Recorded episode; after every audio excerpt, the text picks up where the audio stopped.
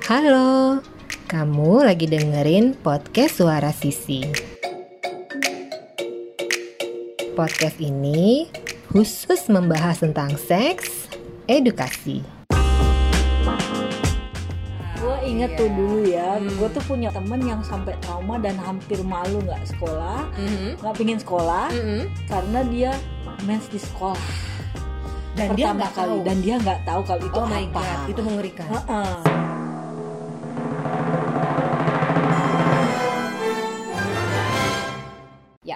hari ini kita mau ngebahas apa lagi?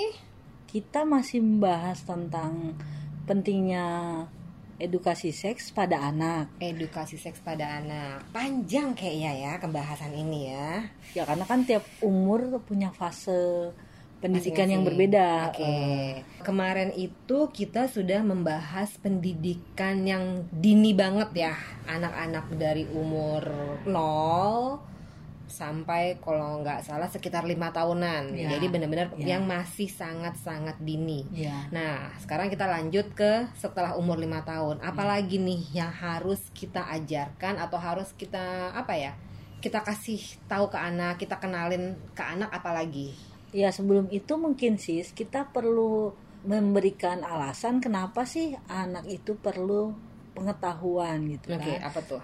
Bahwa selain eh, dia tahu tentang eh, jati diri dia sebagai laki-laki atau perempuan itu Oke. juga akan jadi eh, dasar dia untuk tidak menjadi korban Tidak menjadi korban. ya Oke. tidak menjadi korban terutama ya belakangan ini kan banyak tuh pelecehan seksual Pedofil, pedofil Iya, menyeramkan itu yang ya. menyeramkan itu Hmm. dengan memanfaatkan keluguan-keluguan anak. Ketidaktahuan anak. Betul. Kenapa mereka tidak tahu? Karena tidak dikasih diajarkan. ajarkan. iya, karena kan masih banyak orang tua yang menganggap bahwa seks itu hanya untuk urusan orang dewasa. agak mengerikan, agak ngeri sih kalau sampai dia cari tahu justru ke tempat yang salah. Apalagi ketika anak-anak mau masuk pubertas ya. Hmm. Punya pengalaman nggak sih ketika dulu mau pubertas terus eh, tanyanya ke siapa? Gue ya, gue hidup di era di mana eh, pendidikan seks masih belum diutamakan, masih belum digencarkan. Jadi eh, tidak ada persiapan, tidak ada pengetahuan sebelum akhirnya jeng-jeng tiba-tiba menstruasi seperti itu. Agak-agak kacau ya. Agak. gue inget iya. tuh dulu ya Hmm. gue tuh punya temen yang sampai trauma dan hampir malu nggak sekolah Mhm. nggak pingin sekolah Mhm. karena dia mens di sekolah Dan dia nggak kali tahu. dan dia nggak tahu kalau itu oh my apa god, itu mengerikan. Heeh, dia Sangat. dia nggak tahu tiba-tiba di roknya ada warna merah-merah. Oh. Tuh semua temennya dengan semua juga nggak tahu kan sebenarnya ya. Hmm. Dan sok tahu bilang apa itu apa itu sambil ditunjuk-tunjuk dan dia pulang nangis saudara-saudara. ampun. Padahal itu kan sebenarnya hal yang normal ya. Iya. Tapi karena nggak tahu, stres kan jadinya. Terus jadi malu dong nggak sekolah dia sebulan. Sebulan dong, Bo. malu soalnya nggak kelar-kelar malunya. Mensnya udah kelar, malunya belum kelar. Lamaan malunya ya. Iya, makanya sebelum masa pubertas anak itu memang harusnya dibekali Dibekali pengetahuan pengetahuan. bahwa dia akan melalui masa itu. Misalnya anak perempuan bahwa dia nanti akan menstruasi. Mm-mm. Terus eh, anak laki-laki mungkin akan ejakulasi. Akan ejakulasi. Ah, itu apa kan harus dijelaskan. Nah sekarang gimana cara ngejelasin sekarang gini anak laki dia nggak ngerti apa-apaan tiba-tiba kita kasih tahu nanti suatu saat akan ejakulasi apaan sih mah kan dia pusing Ya enggak juga kali begitu. Anak laki-laki itu eh, ereksi. ereksi itu Artinya kan eh, alat kelaminnya tegang tegang. Kita tanpa ada tanpa ada sesuatu. apa, ah. Karena mungkin bikin pipis bisa Mm-mm, jadi. mm-mm. Eh, atau terangsang oleh eh, gesekan di celana bisa dong. Karena kan sensitif. Oke Ah, jadi dia tapi tidak tahu apa yang tidak tahu terjadi apa yang terjadi. Tapi terus kita yang dewasa ini Tidak langsung memberikan. marah, Mm-mm. terus wah apa-apaan sih kayak gitu, Hmm. kan bahaya. Mm-mm, Terus kayak dia merasa bahwa ereksi itu suatu yang eh, memalukan dan berbahaya, terus dia nggak bisa ereksi seterusnya, bagaimana kira-kira? Kebayang dong masa depannya kayak apa? Suram. Iya banget, banget, bahaya kan? dan dia akan meminta supaya penisnya tidak pernah tegang Ah, ah. kejadian Iya, itu kan Serem ya? mengerikan. Heeh. Hmm. Ya Jadi- makanya jadi memang eh, di umur mungkin sebelum pubertas kita harus memberi pengetahuan. Aku pernah punya teman dulu karena orang tua ya zaman itu mungkin tidak memberi eh, pengetahuan. Ketika payudaranya mulai tumbuh, apa yang dia lakukan dibebat, Nah, dibebat karena malu. oh my god. karena mungkin di antara tem- teman-teman sekelas baru dia, Baru dia.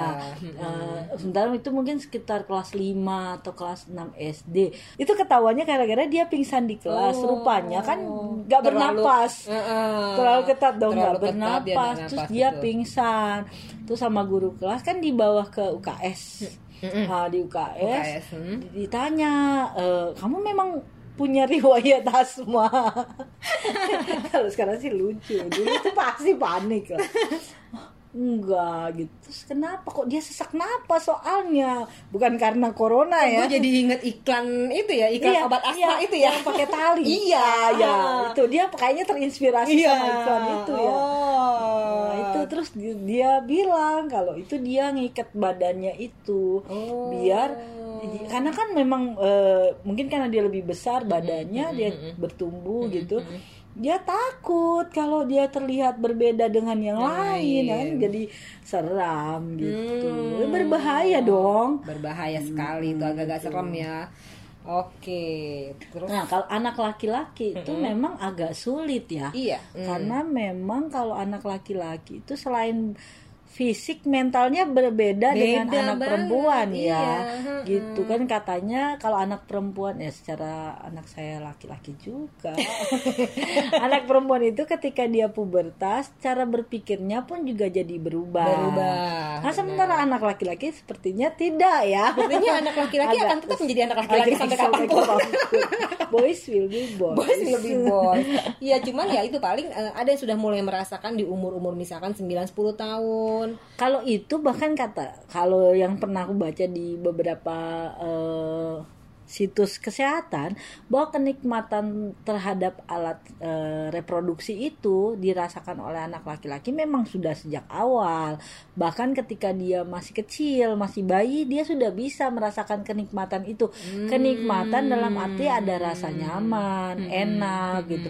Tapi bukan dalam konteks seksual. Iya, iya, ngerti. Ah, ah. Cuman eh, adalah ketika bentuk pubertas yang di perempuan secara fisik lebih nyata di laki-laki memang tidak agak terlihat. terlihat tapi samar, samar, Oh, samar. samar. Itu yang Misalnya, agak susah ya. Kan pertumbuhan penis Mm-mm. kan nggak kelihatan bu. Kalau cewek kan eh, payudara masih kelihatan. Nah, kalau penis dan testis kan Kalau tidak penis bisa. dari kecil udah ada, cuman Iya, tinggal membesar atau enggak. Iya itu. Terus eh, paling yang terlihat adalah yaitu tadi jerawat. Ah. Terus produksi keringatnya menjadi berlebihan bau. banget. nah tentang mimpi basah, tidak semua ternyata mimpi Ternyata basah. tidak semua anak mengalami mimpi basah. mimpi basah. Oke. Dalam arti mimpi basah yang seperti dulu sering diomongin orang tentang seperti ngompol, Mm-mm. itu tidak semua. Oh, Lebih ke pengertian bahwa sudah bisa mengeluarkan air mani. sudah bisa mengeluarkan. Oh, Ah, ah, tandanya tidak kan, harus. Tandanya kan dia sudah memproduksi Sudah sperma. bisa menghamili anak orang. Ah, makanya kalau sudah masuk di pubertas, Heeh. ini yang harus lebih ditekankan Ah. bahwa fungsi organ seksualnya sudah paling tidak 100% sudah sudah menghasilkan. berfungsi sudah menghasilkan. menghasilkan. Oke oke oke gitu. oke. Berarti Yang pasti di yang umur pasti di umur se- sebelum pubertas itu adalah harus kita persiapkan diberi informasi. informasi yang jelas.